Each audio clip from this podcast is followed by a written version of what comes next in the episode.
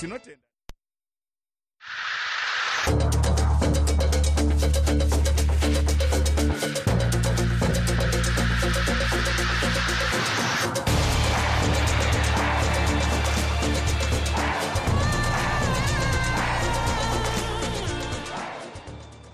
Hello, Zimbabwe, and welcome to Live Talk. We are coming to you live from Studio 7 at the Voice of America in Washington. I am your host, Tabaka Ngube.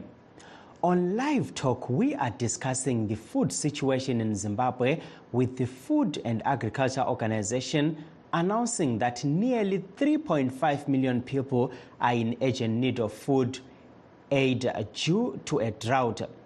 But first, a look at what is happening in other parts of the world. In South Africa, skateboarding is enjoying something of a revolution. The once predominantly male pursuit is attracting more and more women. VOA Saha Kasim reports from Johannesburg. boards, helmets, knee pads, and a whole lot of determination to bounce back when you take a tumble. Welcome to Girls Skate. It might not always look graceful, but it's a blast for these kids. Girls Skate was founded by Shawnee Jacobs about 10 years ago when she realized she was often the only female in her local skate park. Shanae was determined to spark a change. Today, she holds free training sessions in Soweto and other impoverished communities like this one in Kaya Sands. this was the perfect opportunity for me to get a skate park in for them and start doing sessions with them um, because I do believe that skateboarding can teach life lessons to the kids and it can help them a lot. perseverance, confidence, and a splash of self expression. Jacobs is instilling these values in her students. 17 year old Maya Mashaba has only been skating for three months, but is already feeling the thrill. Oh, I feel so good. Like it's very fun.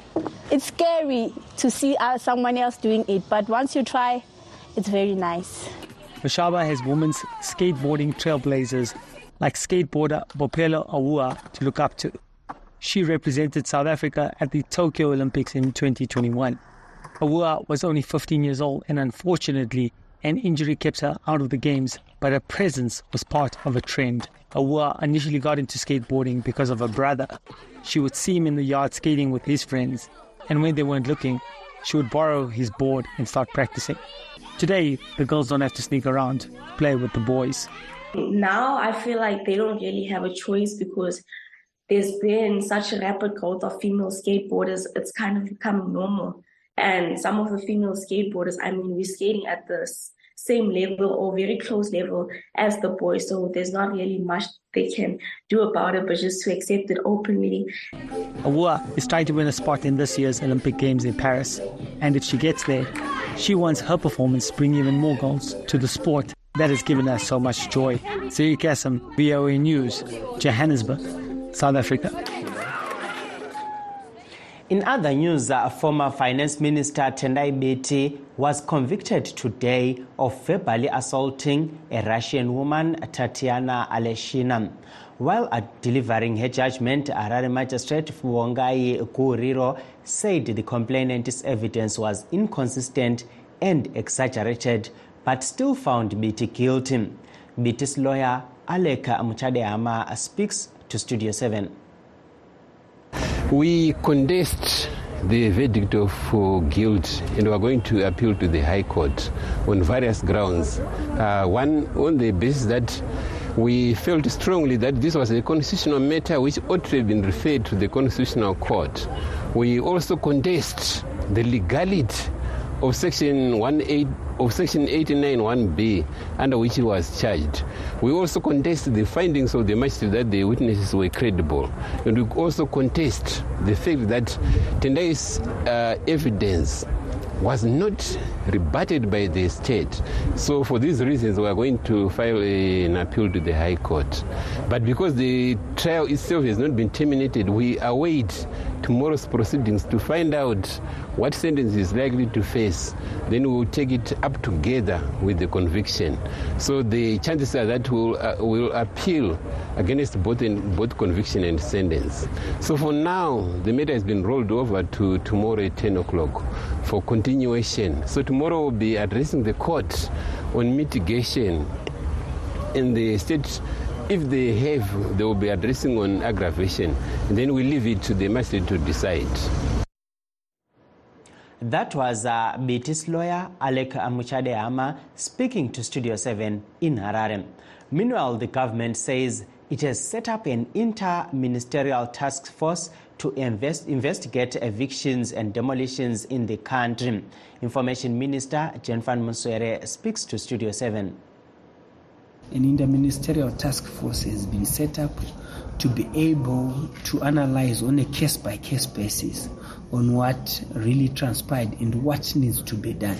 It's more about what needs to be done, but also to underline the fact that uh, land barons be, will always be topical, that the law enforcement agencies will always be prepared to address or to apprehend any land barons who are conducting illegal businesses around the country. But the president has always stressed that the government is humanistic. This is a government of the people, and we respect people. What will become of the demolitions? Are they, are they going to stop or? No, they've already been suspended way back. We are now looking at how best we can come up with a sustainable solution to provide a long lasting solution in terms of housing, agricultural land, and infrastructure development. The president has already indicated clearly that he wants security of tenure. He wants to ensure that property rights are respected, and at the same time, he has indicated through the title deeds program he has been in a position to provide some of the infrastructure in major cities and also in other rural areas, and also providing title deeds under the presidential title deeds program. Please uh, stay tuned as we take a brief break. In times of change, when the world seems uncertain and what we hear doesn't reflect what we see, we seek the truth. When we are told only part of the story, we lose trust. In moments of crisis, our dreams, hopes, and wishes for a better tomorrow depends on a free press. At Voice of America, we bring you the stories that people take risks to see. We connect the world and unite it with truth. At Voice of America, we show you the whole picture.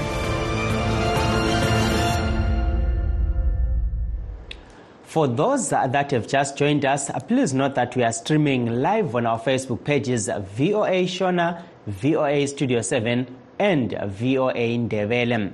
We are also live on YouTube, VOA Zimbabwe. Today, we are talking about the current food situation in the country at a time when American economist Steve Hanke says Zimbabwe has the world's highest inflation rate at 1,367%, followed by Argentina with just 197%.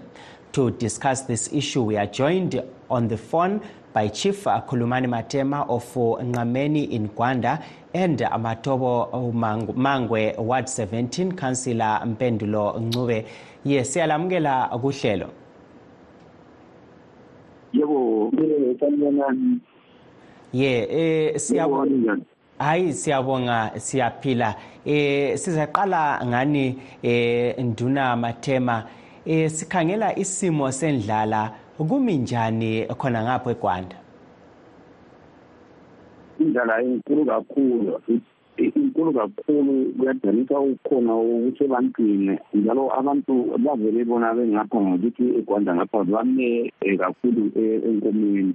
Nxa inkomo zivele zinamba zikhangela ukuthi zizawufa izozijala kuzakhiphe endlaleni kuthi ukuthi bazabe belendlala emangalisayo abantu bakithi khonimali um ngoba ngisengakhangela um newenfare newenfare for t nje lapemvumweni zakhona ne-general survey ngithole ukuthi bathi kubuye um four hundred bags for ama-village that include isizi imayezane imafanke igqalaza inyumumu inaphani one le two le so ama-village wona lana angaphansi kwe-reward seven so kuya-four hundred bags i-four hundred bags is not even enough for the village so indlala ukuthi inkulu ifuna okuningi okufanele kukhangelwe ingazi i-state of government preparedness yonini njani ngoba hayi kukhanya indlala inkulu kakhulu. Abantu abaningi bayakufuna ukudla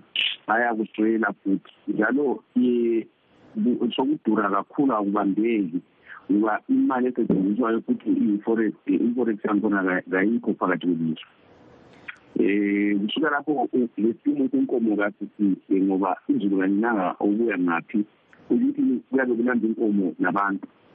Um engikhangelele khona ukuthi i-government should provide ama-safe spaces or open spaces for those who want to assist ukuthi bangenele bancedise kungabi lama-conditionalities. Ukuthi kuthiwe hhayi abanye abanje asoze bancede kumbe kuzanceda laba kumbe ama-n g o nje asoze avumele ukuthi a-operate kodwa ngikhangelela ukuthi ngabavule those spaces zozele ukuthi abantu basizakale ngoba indlela le inkulu ayifuni into eyedwa ukuthi ancedise abantu. Hayi siyabonga eh baba Matema sibuye kuwe eh councillor Ncube. Kumi njani emangwe khona ngapho isimo sendlala? Ngiyalibona ngadala um ngithanda ukwethula ukuthi ah njengoba ubaba elethile lapho ukuthi isimo sendlala yitho esingathi siyahlupha um singakhangelelanga abantu kakhulu njalo sikhangelele izifuyo ngoba siyazi ukuthi endulo vele umuntu oyindoda wayebonakala um ngobuningi bezifuyo zakhe njalo uma sikhangele ukuthi ilanga leli ngendlela elithisa ngakhona ma lingaqhubeka lithisa ngendlela elithisa ngakhona manje. Um sesingagcina silahlekelwa izifuyo eziningi ngoba sikhangele abantu abaningi vele bananse ngezifuyo singabakhangelanga indaba zemayini ngobuningi bethu sibhalanse ngezifuyo so indaba vele isiqala ezifuyweni. Singavele sizitshele zona lezo zifuyo esizoyehluleka ukuthi sikwanise ukuthi siziphilise ngezigaba ngezigaba ngoba ngobuningi vele yikho lapho esikhangelele khona ukuthi sithole khona inzuzo. Ngoba makhangele ilangamandlela inkulunkulu manje amasisi abantu abaningi khathesi awemile sekungamashaka vele ngoba ngamashaka umuntu ungabandleki so kutho ukuthi asazi ukuthi kuzoba njani lo nyaka um into ekade sifisa ukuthi sikwazi ukuthi sithole uncedo um masinyane especially kuma-n g os um nakuma-contract besayina ama-contract besilesuso so ukuthi um besi sincedise kakhulu bekwanise ukusayina ama-long term contract bengasayini ama-short term contracts ngoba ah lo nyaka mbona ngazani kungaba nzima kakhulu. Hayi siyabonga ncube. Eh baba mathema ngesikhathi lesi kwejayele ukuthi abantu bayabe sebeqalisa ke eh ukudla eh izinto ezitshiyeneyo eziyabe ziphuma emasimini eh lonyaka emasimini kunjani? Kule themba na lokuthi abantu bangazuza okuncane bengadobha lapha lalaphana na? Akulalutho ngitsho ngitsho ngitsho ngitsho ngitsho. Ngitsho ukuthi kumbe ukuthi kuthiwa bangadobha lokhu. Ulude nje into batheba ngalo lalo luyababagamu um ungani udla isihaqa? Eh okwakhathesi kubi sibi kakhulu ngoba kulaa nto ngathi abantu bangaphephela kiyo ngoba le nkomo bayesaba ukusenga ukuthi bavuke uchago ungananzela ngalesi sikhathi. Izithelo eziningi ziyabe zitholakala egangeni okuthi abantu babe zilodelelelo sidlombuya besenjani lonyaka kakukho konke khonokho onke indumba eziyabe ziyimbhida nani kakukho konke khonokho. Umbuzile nje uzivele usulele phansi akusangeneki emasimini uyesabeka ngisho uthini? Lawo amanzi futhi ngikhangele ukuthi azashoda ye baba mathema ngilibambe mbijana khonapho kulomunye ofonileyo eh manini simuzwe bese liqhubekela phambili. Eh alo lingenile kuhlelo salibonani? Alo? Yebo linjani? Ye mfowethu angazi noma uyangizwa na? Ye hayi ngiyakuzwa baba. Eh ungenile kuhlelo usithinta ungaphi? Mina ngise-south africa baba. Hayi siyabonga. Ukubona njani eh umumo lo ole oyendlala lapha eZimbabwe? Emfowethu lo mu lesimo lesi sibi kakhulu sibi kakhulu. Ekuyikuthi eminyakeni edlule seke ngayibona ngibona ukuthi kuza kuba kubi kakhulu. Ngoba manje amabele akhona asheshe atsha masinyane.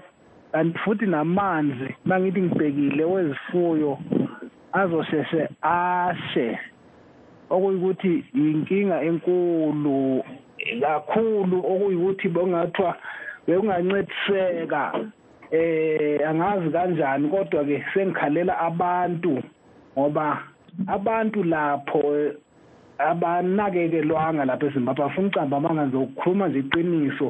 Ubhekwe laba abaphezulu abavele abadlayo kodwa ke laba baku-ground lapho bazokufa. Angifuni ukutshela amanga ngendlela isimo esingakhona. Kunzima. Hayi siyabonga kakhulu baba ukusixhuma kuhlelo. Eh siqhubekela phambili eh lingaphenduka nduna yami mathema. Eh, liqhubekele phambili lichasise belikuchasisa njalo lisiphe nje imbono yenu ngosanda kukhuluma lapha obesixhuma ese-south africa. Hayi kalahlekanga umithembi wodaba naye ngendlela abona ngayo. Kodwa mina lapho okunye ebengithisho ukuthi ngikugcinelele kumbe ngikutshaye kuzweni ukuthi kufanele ukuthi ngabe khathesi uhulumende usephumile ukuthi efake ama-drainage because izigaba zonke uzanye ukuthi kugejwe amanzi. Ngoba amanzi vele yiwo impilo yabantu yiwo inotho ngathi ngasikhangele lonyaka kawakho amanzi. So abantu bazalamba amanzi bazaba inkomo ziyalamba amanzi. Bengikhangele ukuthi um njengoba i-climate change ingasonto efike namuhla into zilele sihlala sitshelwa um ukuthi ikhona.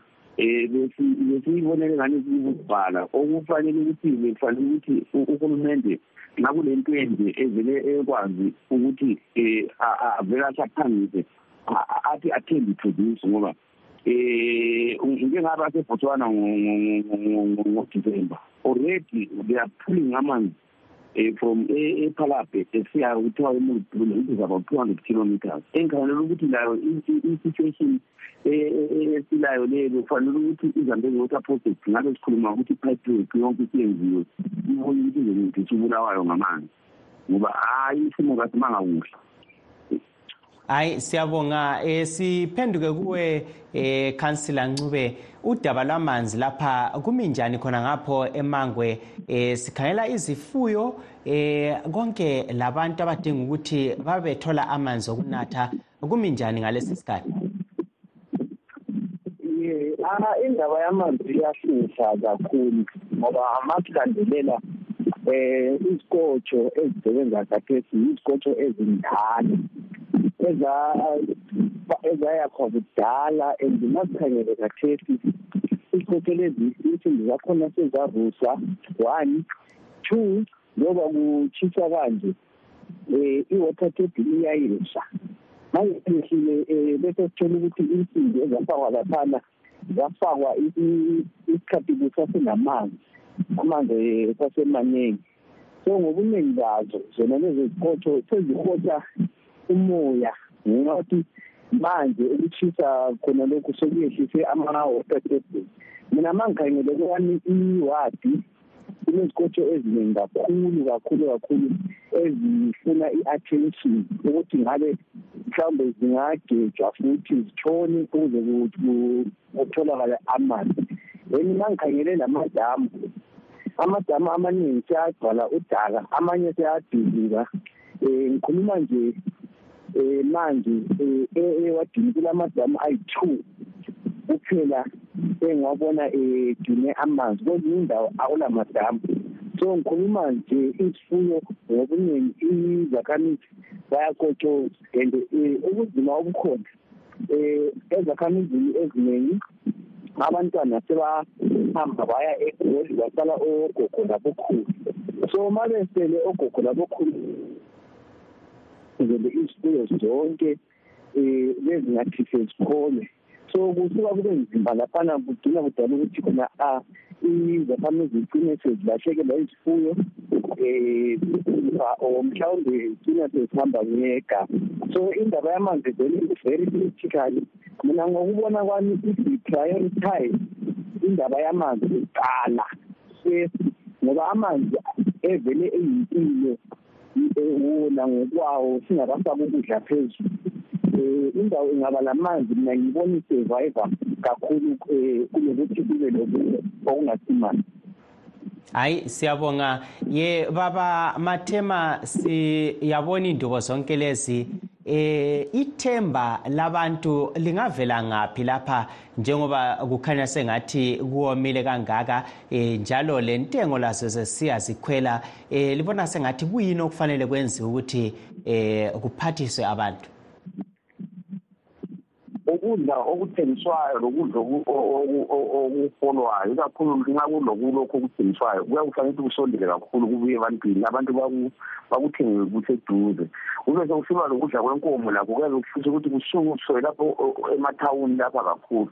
Kuyehlalele emakhaya khona ngale lapho kuvele kulenkomo khona. Kube yikho ukudla okulanda inkomo. Abantu bekwenzela ukuthi bangabi lekhosti yokuthwala ngoba into enye ngibone ngani izalimaza lalaba ababe befisa ukuthi bafide kodwa amabhoni fanele agejwe futhi indawo phose zonke ukwenzela ukuthi amanzi azuzakale um nxa kudingakala ukuthi njalo amanye amadamu avulwe ngoba nananzelela kule damu lapha esikhule njengomtshabezi um liyalithi kwesinye isikhathi kungaba nzima njengoba kunje bangavula amanzi ehleke lomfula laphana abantu bangazuzela phezulu amanzi ethelethebeni le nkomo zithi zizuze kunatha ngoba ukuphila kwenkomo yikho kwenza ukuthi kuphile umuntu. Ma inkomo zifile abantu indlala izabo izabahlupha kakhulu okumangalisayo kodwa ama-prize lawo awokudla kufanele kwehliswe ngoba ungananzelela ama-prizes nxa uqathanisa le holo akuhambisani. Iholo uzathola ukuthi kakula muntu ohola kothe i-five hundred dollars ezimbabwe ungananzelela nxa ukhangela bayabe sithi ukuthi sonke abantu because abaningi or the majority of the people bangaphansi kwe-poverty datum line. Okungangokuthi abantu bathwele ubuzima obukhulu ngoba ukwenza abantwana kuyinto evele inzima kakhulu. Um nxa kuvele ilizwe lingamanga kuhle njalo abantu bengafoli imali ezibasuthisayo kumbe enzelele ukuthi ziyedodwa lokhu kudla abaphesethi khona phezu abantwana bayo hayi siyabonga. Eh sekungene njalo kuhlelo eh ubaba uEfidlela Ncube oyingcwethi ecubungula eh ezwenotho. Eh baba Ncube sibona kule mibiko ekhutshiweyo eveza ukuthi iZimbabwe yilo ilizwe eliphezulu nxa kukhangelwa i-inflation. Eh lina lokhu likubona njani? Ngiyabonga kakhulu ithuba lokuba ngami ngihlanganyele engxoxweni. Kuyinto enzima kakhulu ngoba kutsho ukuthi izinto ziya ziyakhwela kakhulu intengo yazo zijiyana kakhulu leholo labantu. Kanti kasingakhohlwa ukuthi abantu abaningi ezimbabwe kabasebenzi kabaqhatshwanga kakula industry akula economy yokuthi basebenze. Ngokunjalo-ke iningi labantu vele kabanayo leyo kuthiwa phecelezi i-income indlela yenzuzo abangakwazi ukuthi bathenge ngayo. Bengabayanga benjalo behlupheka kanjalo besidla imbuya ngothi kanjalo. Bathola into zikhwela zisiya phezulu zingeneliseki. Kutsho khona ukuthi kuza kwanda lokho sithi malnutrition ukugula ngenxa yokuswela ukudla okwanelisekileyo emzimbeni. Kutsho khona ukuthi abantwana besikolo abaningi babehamba bengadlanga okuzabalimaza kakhulu ezifundweni zabo. Kutsho kakhulu khona lokho njalo ukuthi abaningi sebezabalala bengadlanga ngokuya kwesikhathi bagcine belimala njalo emzimbeni yabo. Kanti imali eningi okade abantu beyisebenzisa ukufundisa abantwana ukusa abantu ezibhedlela ukubhadala irenti lokwenza zonke leziya zinto ezibathintayo isiza yathenga ukudla ngokuba kuyakhwela ukudla kuthiwa ngesikhiwa yi-food inflation iya iyakhwela kakhulu. Isho ukuthi abantu kabasenelisi ukuthi bathenge ukudla ngokuba abaningi bebe ngabayanga. Ye eh ungakayikhatshana laphana ncube sikhangela eh isimo lesi eh konke lokukhwela kwentengo yempahla kanye lokuswelakala kokudla. Eh umnyaka lo liwubona unjani? Eh njalo yikwini okungaphathisa umnyaka lo mubi kakhulu ngawuqhathanisa leminyaka yendlala yokuswelakala kwezulu esomiso. Lo nyaka kuyona le isilimo lesi sizini lesikhuluma ngento abanye abayisebeqambo 1947 khona lemuva ngokuba asikhangelelanga ukuthi kube lezulu eliya ngaphi. Njengoba izulu lingananga kutsho khona ukuthi isivuno sizaba sincane. Nxa isivuno sisincane kuyasilela ukudla. Nxa kuselela ukudla kuyakhwela kudule njengoba sisisho. Kanti-ke abantu bazaswela amanzi. Amanzi-ke ukuswelakala kwawo kuthinta izinto eziningi kakhulu. Kakuthinti kudla kuphela kakuthinti i-sewer reticulation ukuhamba kwezinto lezi esithi yi-sewer. Kakuthinti manzi okunatha kumbe ukuthelezela kuphela. Kuyathinta njalo indlela yokutholakala kwe-electricity. Njengoba sise-southern africa kungananga izulu um asibali nje ezimbabwe kuphela kuse-southern africa. Kutsho khona ukuthi umfula lo kuthiwa nguzambezi kasoze abe namanzi eneleyo ukuthi ikariba le-campelabasa zisithe amagetsi. Kutsho khona ukuthi sizasilela amagetsi nxa kusilela amagetsi kuzalimaza ezomnotho njalo. So ziningi izinto ezizaba yinkinga. Okudingakalayo ukuthi kwenziwe esimeni esinjengasona lesi ukuthi uhulumende adeclare lokhu esithi i-national disaster ngokuphangisa ukwenzela ukuthi yonke into ekhona elizweni ama-resources wonke asetshenziswe ukuthi aphe abantu ukudla avikele izifuyo ngokuba izifuyo ziyinotho izifuyo ziyi-income izifuyo kulapho kuphilwa khona ebantwini njengoba bengela industry kukhuliswe njalo indlela zokuthi kugejwe izibhorane zokubambisa edolobheni ngokuba emadolobheni abantu vele bazawaswela amanzi. Khona manje sikhuluma abantu bahlala four days bengelawo amanzi. Ngokuyento ngofebruary lo kuyafika nini u-august useptember u-october? Kutsho ukuthi abantu bazobe sebevalela amanzi isikhathi eside. Kuyadingeka ukuthi kube lendlela zona lezi zokuthi bagejelwe amabhoholo kuyadingeka-ke futhi ukuthi uhulumende ngokuya phambili singasabali lo nyaka kuphela. Kube lendlela ezilula lezi okuthiwa ngeze-water harvesting ukugcina amanzi kube namadamu amaningi izifula lezifudlana lemifula kube namadamu amanzi alondolozwe kube nendlela njalo zokuthi kutholakala amanzi akagesi angaveli emanzini. Yes siyaqakathekile khona lokho kodwa-ke sesingagijimisa okwakhathesi ngoba sile-emergency kudingakala izinto ezizakwenza ukuthi abantu babe lokudla bangafi izifuyo zingafi. Yes siyabonga. Babancube isikhathi sesesigijimile eh, esintwini sethu sizatshiyela eh, unduna umathema ukuthi eh, asigqibele ngamafitshane laphana eh, ngenani baba lisigqibele ngiyabonga kakhulu um hayi ngibona engane singabambabamba khonokho esekuthintayo okwakhathesi um yikho okuyabe kumtoba bengikhangelela ukuthi uhulumende okwakhathesi inhlelo zokwakha lokho imigwaqo lani okunye kungabe kweceleni yokukhangele indaba yokudla ngoba ukudla yikho kwenza abantu baphile okunye lokhu kuzathi sokubonakala ngoba abantu basesimeni esibi sibili esibuhlungu ngoba njengoba ngithethile nje sithi nxa kuvele kufika inkomo abantu labo bayaphila kodwa nxa sekufika inkomo sokufipha abantu and ungakhangela kakhulu emthulweni wangapha emandebeleni. Utsho ukuthi nxa kuza kuthi inkomo uthi sokusipha izikolo ngoba abantu vele babhadala amafizi ngayo ukuthengisa inkomo lezi so ukuthi ukuthi sibe labantu abazafunda kuhle okwalesi sikhathi phakathi inkalakatha enkundla yendlala leyi ah kuzavele kuthi bambeka kanzima kakhulu ye hayi siya ye siyabonga eh baba mathema ngithatha lesi sikhathi ukuthi ngibonge lonke elingenileyo kuhlelo unfortunately we are out of town uh, we are out of uh, time. That brings us to the end of our show. Signing off in washington. I am thabo kancube.